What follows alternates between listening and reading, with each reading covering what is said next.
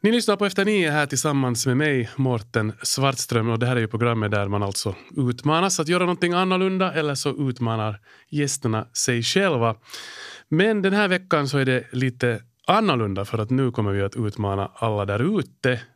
Speciellt föräldrar som lyssnar på det här programmet. För veckans utmaning går idag till alla oss som är föräldrar till barn och unga. Hur ska föräldrar ta upp sex frågor med sina barn? Och unga.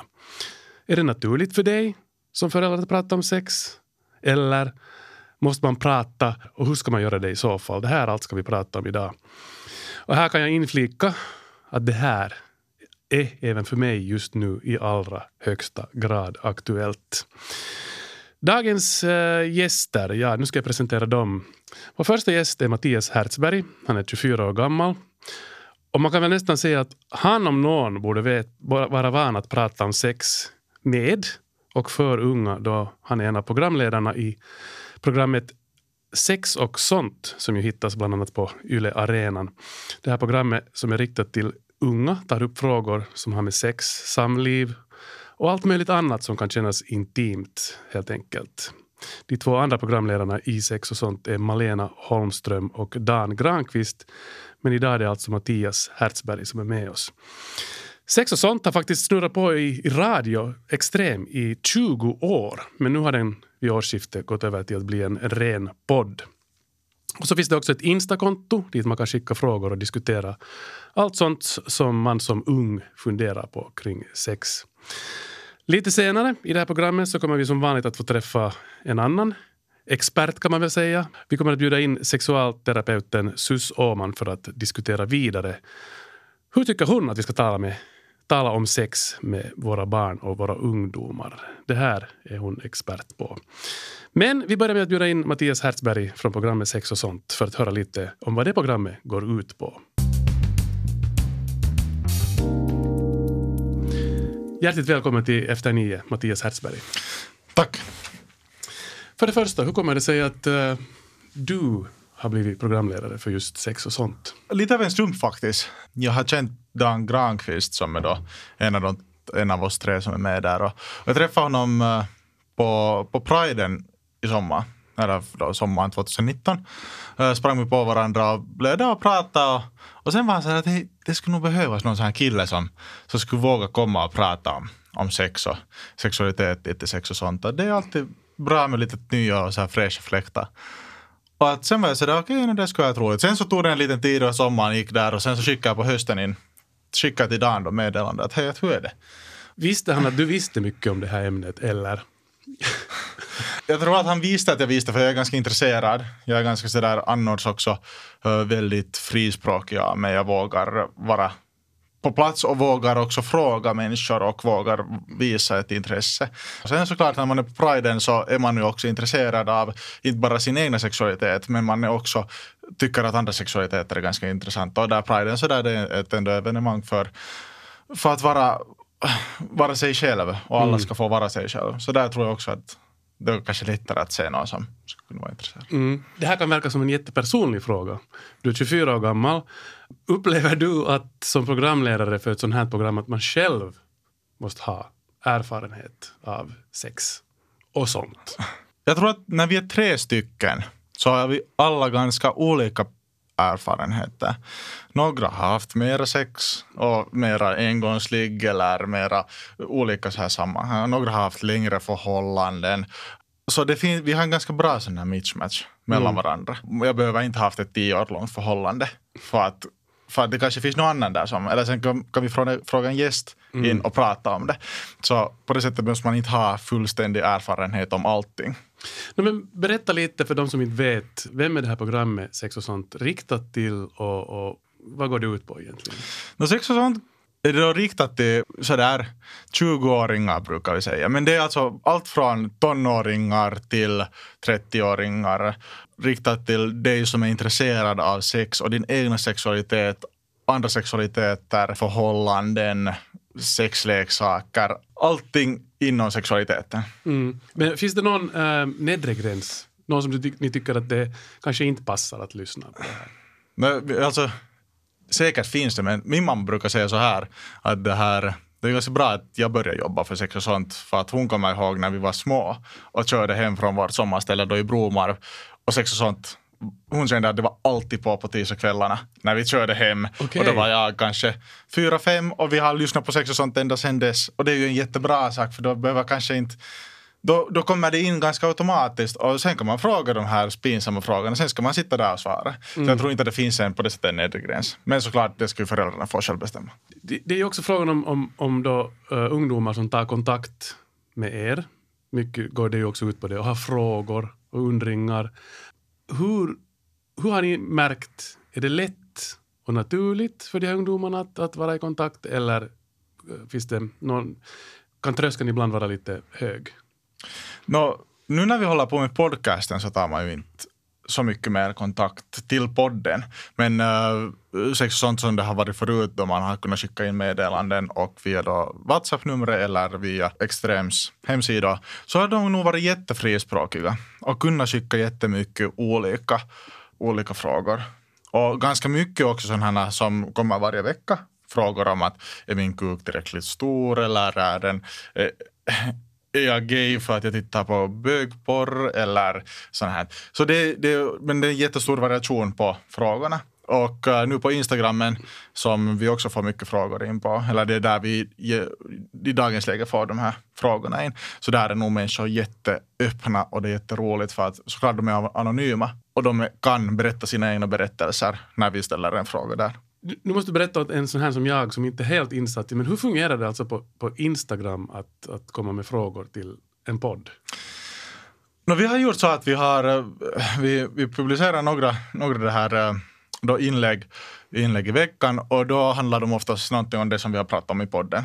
Sen som Alena Holmström som är då en av, de, av oss, vi tre som jobbar där på, på podden, så hon har mest i trådarna om Instagram. Så hon håller på då med så här Instagram live eller Instagram stories där hon då pratar om vad vi har diskuterat i podden, hennes egna erfarenheter, ganska mycket hennes egna tankar och känslor och sen har sätter hon ut sina funderingar. Hur har ni, har ni någon gång haft fittskam eller har ni hurdana era erfarenheter av engångsligg? Och sen så får de själv skicka in svar sådär att men jag, eh, så här kände jag eller, eller att mitt första, eller jag tyckte allt jag har alltid haft ett bra engångsligg eller något sånt här. Så de, där har de kunnat vara jätte så där öppna med sig själv också. Är det så att ni har alltid ett visst tema också för de här poddarna, eller är det helt... Det är, alltid, Det det, det, det, är nog ett visst tema som, som vi går på. Ja. Okej.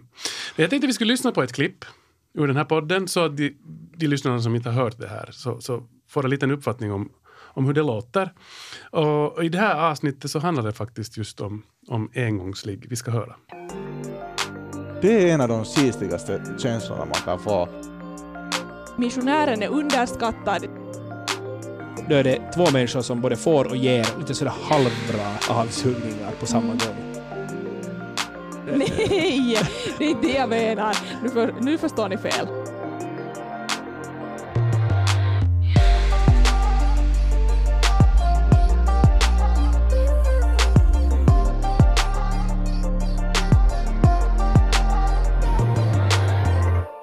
Jag har blivit bästa vän med mina sexleksaker under det senaste halvåret. Eller, eh, nu ljuger jag för att det är mer än ett halvår. Och jag har inte haft sex med någon på jätte, jätte, jättelänge. Och det är för att, jag vet inte om jag är glad eller ledsen, för att jag har ju valt det här helt själv.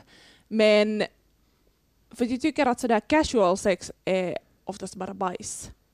Jag, jag har ganska dåliga upplevelser av det, att, sådär, att man hittar, hittar någon, någon någonstans och så tänker man att jaha, men att, att vi, tar, vi tar en sväng och så är det liksom det.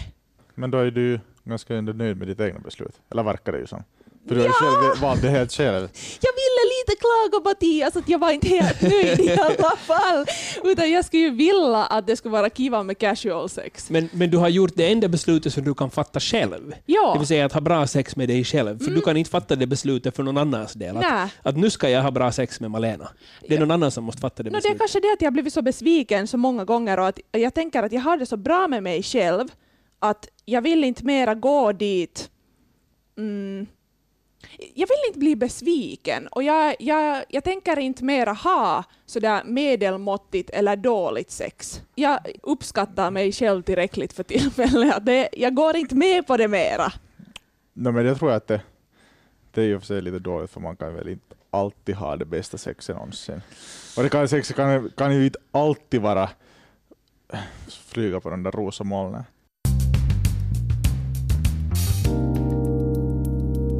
Så där kan det alltså låta när Mattias Hertzberg, Dan Granqvist och Malena Holmström sitter och diskuterar i sin podd Sex och sånt.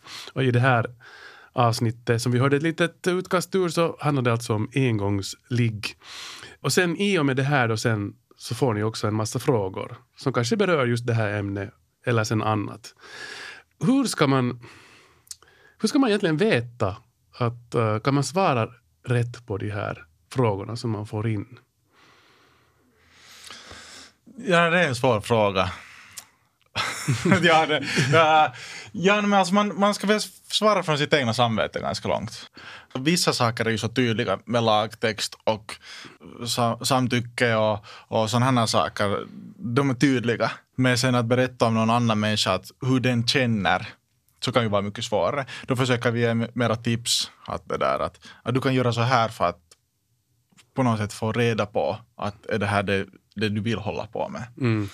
Så att vi kan ge olika konkreta sådana här vägledningar att, att du kan testa på det här så att du kan kanske träffa någon eller eh, du ska få första dejten så kan man ge olika tips att, att hur du kanske borde kunna göra eller inte göra.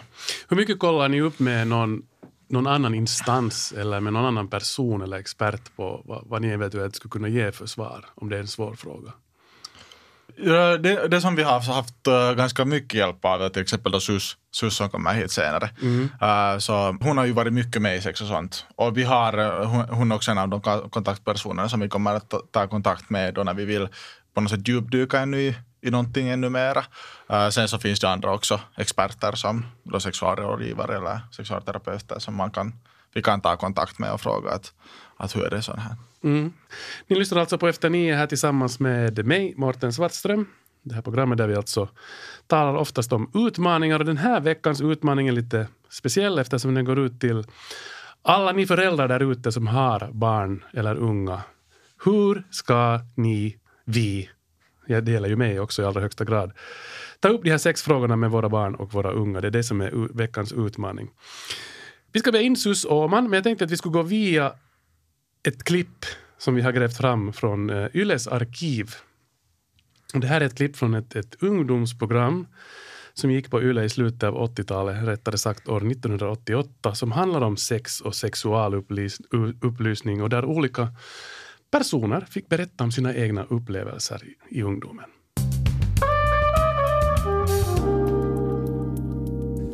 Steffe, vad var din första sexuella tanke eller händelse?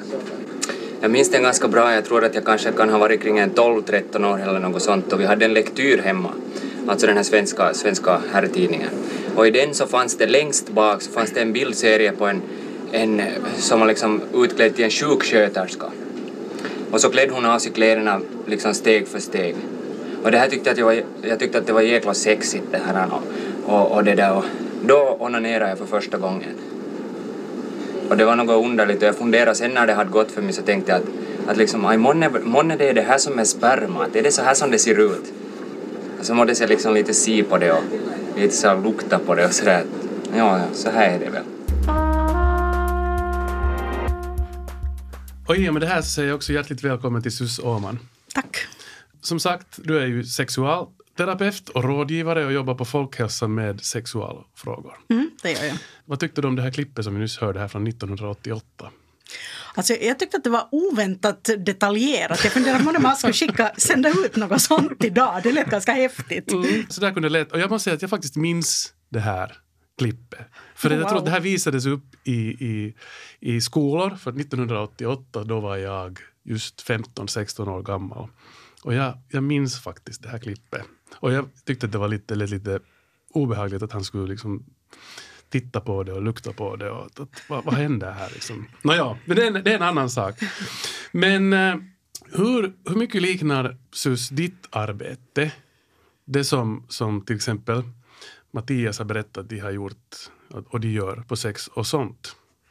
Nå, hyfsat långt faktiskt. Eh, jag tänker, nu har jag ju också varit med i Sex och sånt i 20 år så att det kanske inte är så konstigt att det liknar till vissa bitar. Men, men sådär innehållsmässigt tänker jag nog att, att liksom, eh, försöka ta upp ganska brett vad sexualitet är, normalisera saken, få folk att må bra. Och det tänker jag att det är ganska långt sex och sånt mål också. Mm. Eh, jag antar att det är många eh, föräldrar som funderar just på det här med, med barn och ungdomars sexualitet. Att hur ser det ut? Vad, när börjar det?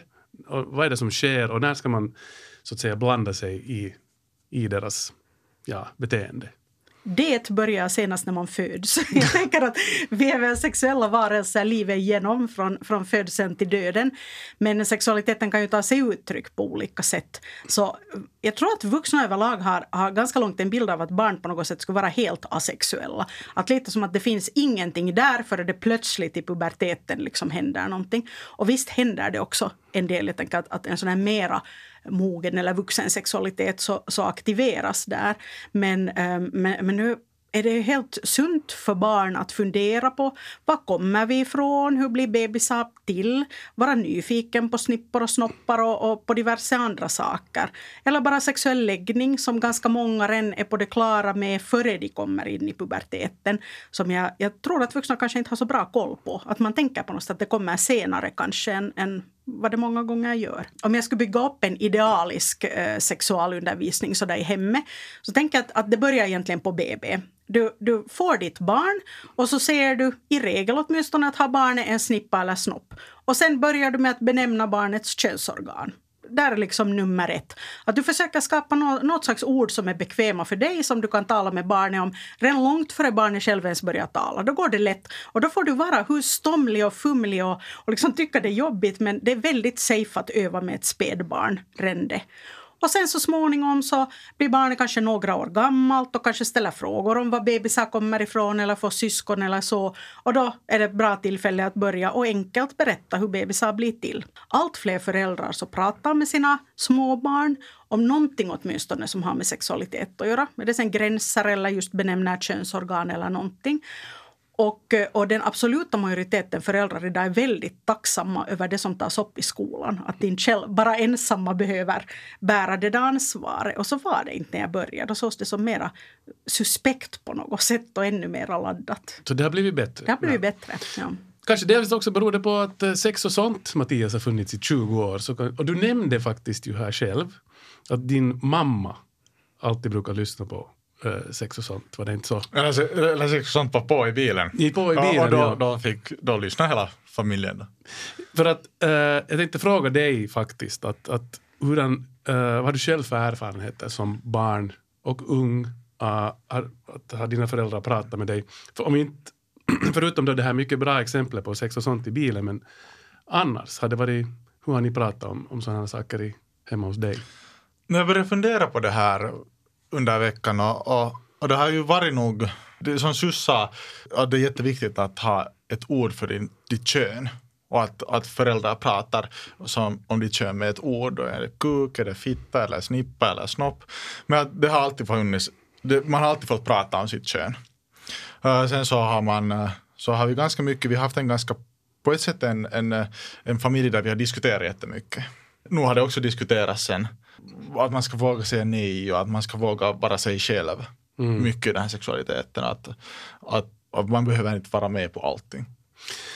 Hur, no, hur är det sen när man inte menar ett, så, så att säga ett barn utan man, man, man är en ungdom? Och man kanske tycker att, att diskutera de här grejerna med sina egna föräldrar börjar bli lite jobbigt, pinsamt och man kanske vill hålla det för sig själv. Hur ska man då, sus, som förälder, nå det där, den där ungdomen om man vill vara med i den här diskussionen? Jag tänker att i bästa fall så har man redan där innan den perioden, som ju kommer för väldigt många barn, innan den sätter in, så kanske man har lagt grunden i alla fall. Eh, vad barn då åtminstone vet är att om någonting går ordentligt snett eller kommer det en dag när det faktiskt får ett stort behov av att prata, så finns man där och är villig att ta den diskussionen i alla fall. Men, eh, men, om, men om man, man, inte har byggt det där förtroendet? Om man inte har byggt det så tänker jag att, att um, loppet är aldrig kört. Det, det, är aldrig för sent för att börja i alla fall. Um, bara genom att att liksom fälla små kommentarer så kan man då och då försöka, man, man behöver inte ha ambitionen att tänka så här att vi aldrig pratar om det, nu väntar vi lördag förmiddag, hela familjen kring köksbordet två timmar. Det loppet är liksom ganska kört. Okej, det, det blir fruktansvärt jobbigt för alla tror jag. Men, men små bitar här och var. Och det kan man ju få liksom bara de där impulserna, om man nu eventuellt ännu ser på TV hela familjen eller har på så alla ser, oftare kommer det ju något som man spelar på sexualitet eller man ser löpsedlar eller någonting. Kan man försöka plocka, man kan medvetet liksom hålla ögonen uppe för att plocka något. Eller tala så här på ett bredare plan kommunikation, att prata om känslor. Det har ju i högsta grad med sexualitet och förhållanden att göra och att få det att fungera. Eller, ehm, eller fast barnet skulle stänga öronen varje gång man börjar då får man säga så här korta slagkraftiga saker så det inte hinner säga stopp liksom. Utan man, man tar det allra viktigaste. Säga att, att um, ja, jag vet att du kanske inte vill diskutera det men jag vill bara att du ska veta att om du någon gång blir kär i en flicka eller i en pojke båda är lika okej okay för mig innan man säger la la la la la, nu inte mera. Då har man fått i alla fall ett sånt budskap fram. Eller tala just om det här att, att eh, sätta ord på känslor, att tala om hur man vill ha det om man är ihop med någon. Eller om man bara har snabbsex med någon.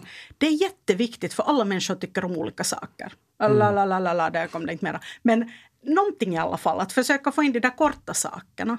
Och sen kanske att ta ansvar ändå för att barnet ska kunna få tillgång till det. Att, att fundera, kan man köpa hem någon bok? Ibland kan det fungera med yngre tonåringar att om man säger att nu köpte jag den här boken som är bra, men du är alltså helt för ung för det. Jag sätter i bokhyllan, den får du ta först när du blir äldre för det. Då lockar det ju genast lite mera. Vem vill inte vara mogen och, och liksom kunna det? Eh, eller bara glömma fram med liksom en bok eller en broschyr eller en anteckning om en bra serie eller sajt eller något så vidare. Så sånt kan fungera också om barn inte vill, vill liksom öppet diskutera det. Om ett, en ungdom är hemskt utestängande och inte alls vill, kan man på något sätt kan den här föräldern tycka att den, den borde få vara med i den där äh, vetskapen om, om vad dess barn, dens barn håller på med? Nu kan man ju tycka allt möjligt men som förälder så man, tänker att man blir ofta ganska ödmjuk när man själv får barn och inser att, att alla ens fina tankar så en del av dem förverkligas och annat så får man helt kasta ut för att det gick aldrig. Och, och få igen att jag tänker barn som slutar sig på något sätt och blir väldigt privata under tonåren, nu är det nästan omöjligt att få dem att öppna sig mot deras vilja. Utan mera försöka då göra tillgängligt och visa att man finns här. Att vill du diskutera så, så är jag villig att göra det. Mattias, du är ju, eftersom du är 24 år, så du är den som är närmast att komma ihåg hur det var Ja. här jämfört med Sus och mig. Men att, inget, inget ont Sus, men att Det är lugnt. Men äh, ty, upplever du att, att du alltid har velat ändå du har kunnat prata om det här äh, med dina föräldrar? Eller varför inte med vänner? Eller har du, finns det saker som du tycker att du har velat hålla för dig själv? No, det finns nog alltid saker som man vill hålla för sig själv. Och det, alltså, nu också när jag jobbar med sex och sexfrågor så finns det saker som jag aldrig skulle nämna. Och jag vill inte, alltså de, de är mina personliga, de är mina privata. Och de tänker jag inte säga till någon annan, inte till de som jag sällskapar med eller de som är mina familjemedlemmar eller mina vänner. Men i stora drag så kunde jag också under tonåren hade jag nog de här kontaktpersonerna som jag kunde vända mig till. Och det var ju då ofta vänner. Uh, och min familj var väldigt sådär, att, eller min, min mamma så lyssnade nog gärna på om det var någonting som jag funderade på. Jag kunde komma hem och säga med gråten i halsen att varför är det så här och vad är, vad är det här och vad betyder det här? Och då lyssnade hon och sen så satt vi nog ner och diskuterade.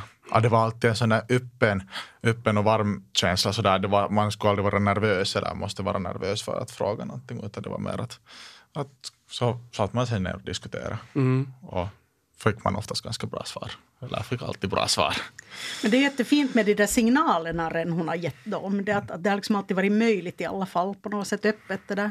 Men jag tänker också om man kan liksom ge de där signalerna som förälder också om man inte har haft en sån öppen relation hela tiden med sitt barn. Att, äh, exempelvis eh, får man barn i tonåren så kan man skaffa en låda med kondomer som man förvarar någonstans i huset och säger åt barnet att om du behöver ta härifrån, jag kommer aldrig att räkna dem det är viktigt för annars är de livrädda.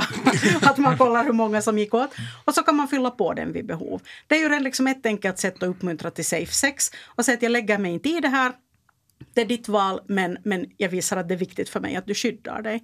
Eller med en flicka kanske säger att, att nu blir det aktuellt med behöver du gå på en gynekologisk undersökning eller behöver du något nå hormonpreventivmedel så, så säg bara till att jag hjälper dig gärna att boka tid till det. Så ger man igen de där signalerna om att jag finns här, jag vill dig väl, jag bryr mig om det här och, och du tar själv det steg du vill gentemot mig med att diskutera. Mm.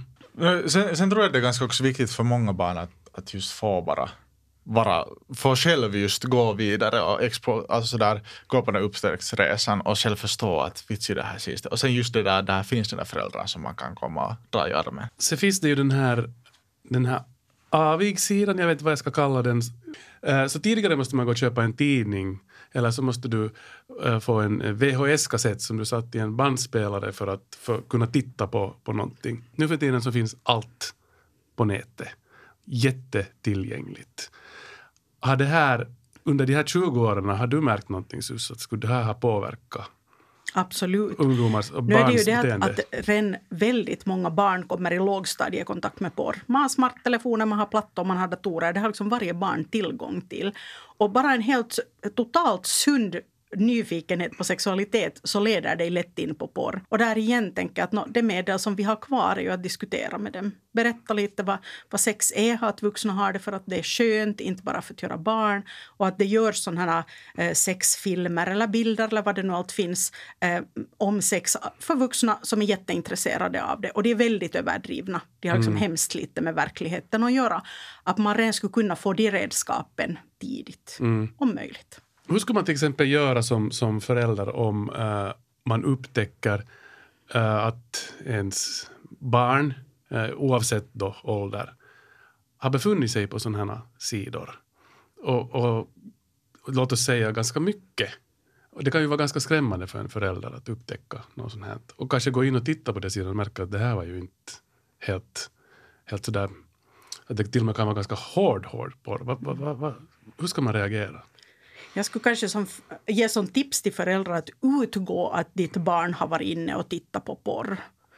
Det, det är så mycket vanligare att man har gjort det än att man inte kommer i kontakt med det uh, före högstadiet eller, eller liknande. Att hemskt många eh, får kontakt med det. Men, men att se till att kommentera det. Och vi, har man då barn som inte alls vill lyssna så eh, om man är två föräldrar eller har man, är man ensam förälder och har en kompis hos sig så se till att ställa dig inom hörhåll för barnet och se till att det inte har på sig hörlurar. Och så för du en vuxen diskussion om hur man oroar sig med porr och, och vad som, varför man oroar sig. Att det nu, nu är det vansinnigt med den här porren. Att det är ju så fel bild att, att det är bara teknik. Att har du märkt ingen kommunicerar? Alltså det här vanliga som man ju gör att man pratar. Hur känns det för mig? Hur känns det för dig? Vad tycker du om? Vad tycker du inte om? Ingenting sånt finns i porren. Att nu är det hemskt om barn ser på det. Det får ju en helt annan bild. Att, som om det bara skulle handla om ställningar och att byta och liksom ha jättehäftiga grejer och kanske våld. Att i, i verkligheten är det ju hemskt få som gillar sånt. Mm. Igen en personlig fråga Mattias, men du hör ju till den generationen som har haft tillgång till, till Ja. nätet sen tidig ålder. Så, så hur, hur, hur tycker du det här låter? Råkar du ut för det här? Jag råkar nog ut för det att, att man, man var sådär, nå ja Mattias, vad har du nu varit för sida? Men, men det var nog, alltså nu var det ju pinsamt. Men sen samtidigt är det ju så att det var, det är bara naturligt. Och, och det, jag tror att det är jätteviktigt också att man får titta på porr på ett sätt. För det man lär sig inte bara, så man, men, men man får utforska sin egna sexualitet. Och det, det kom det ut, ut en studie från Åbo Akademi, det var någon som hade forskat där, som, som skrev ut att, att barnen och ungdomarna som tittar på porr är ganska bra på att förstå att det är film och att det inte är verklighet. Och det tror jag att jag också alltid har förstått när jag tittar på porr, att ja, det här är sex, men inte det, när jag får spela fotboll så inte är Cristiano Ronaldo inte på fotbollsplan. Att de här proffsen, han gör det här till sitt yrke. Och sen så finns det de här som gör det här bara för att det är skönt. Sen finns det ännu, ännu en till eh, eh, sida av, av det här med att surfa på nätet. Och det kanske inte, jag vet inte om det hör till den här diskussionen, men, men den, kan, den börjar ju också bli allt vanligare och det är det här att de sen råkar ut, barnen eller ungdomarna råkar ut för någonting, någon annan där på andra sidan som tar kontakt eller skickar bilder eller börjar visa upp eh, sig naken. Eller, eller, och det här händer ju allt oftare. Och om man som förälder har man ju ofta ingen aning om det här förrän det är för sent. Att, finns det någonting, jag vet inte, tittar på dig Sus, någonting som, som kan ge en vink om att allt kanske inte står rätt till? Att, att, och hur ska man i så fall komma in i den där, den där världen där? Nå, om det finns tydliga vinkar som att barnet visar liksom tydliga tecken på illamående på något sätt och, om man kanske misstänker att det kan ha någonting med sexuellt utnyttjande eller, eller dåliga erfarenheter på nätet att göra. Så tänker jag att nå, i så fall skulle jag som förälder gå in på mitt barns telefon och kolla. Eh, däremot så skulle jag inte slentrianmässigt alls göra det. Det tycker jag att äter det där förtroendet liksom så pass stort.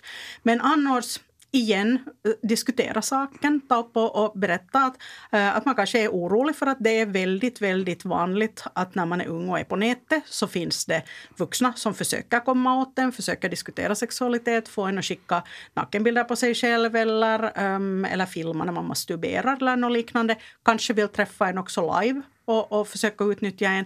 Och åtminstone säga så pass mycket att, att lämna aldrig ut privata uppgifter går, går liksom, om det går att undvika helt namn, åtminstone inte adress, telefonnummer, liksom sätta sånt så att, att folk man inte känner lätt kommer åt allting.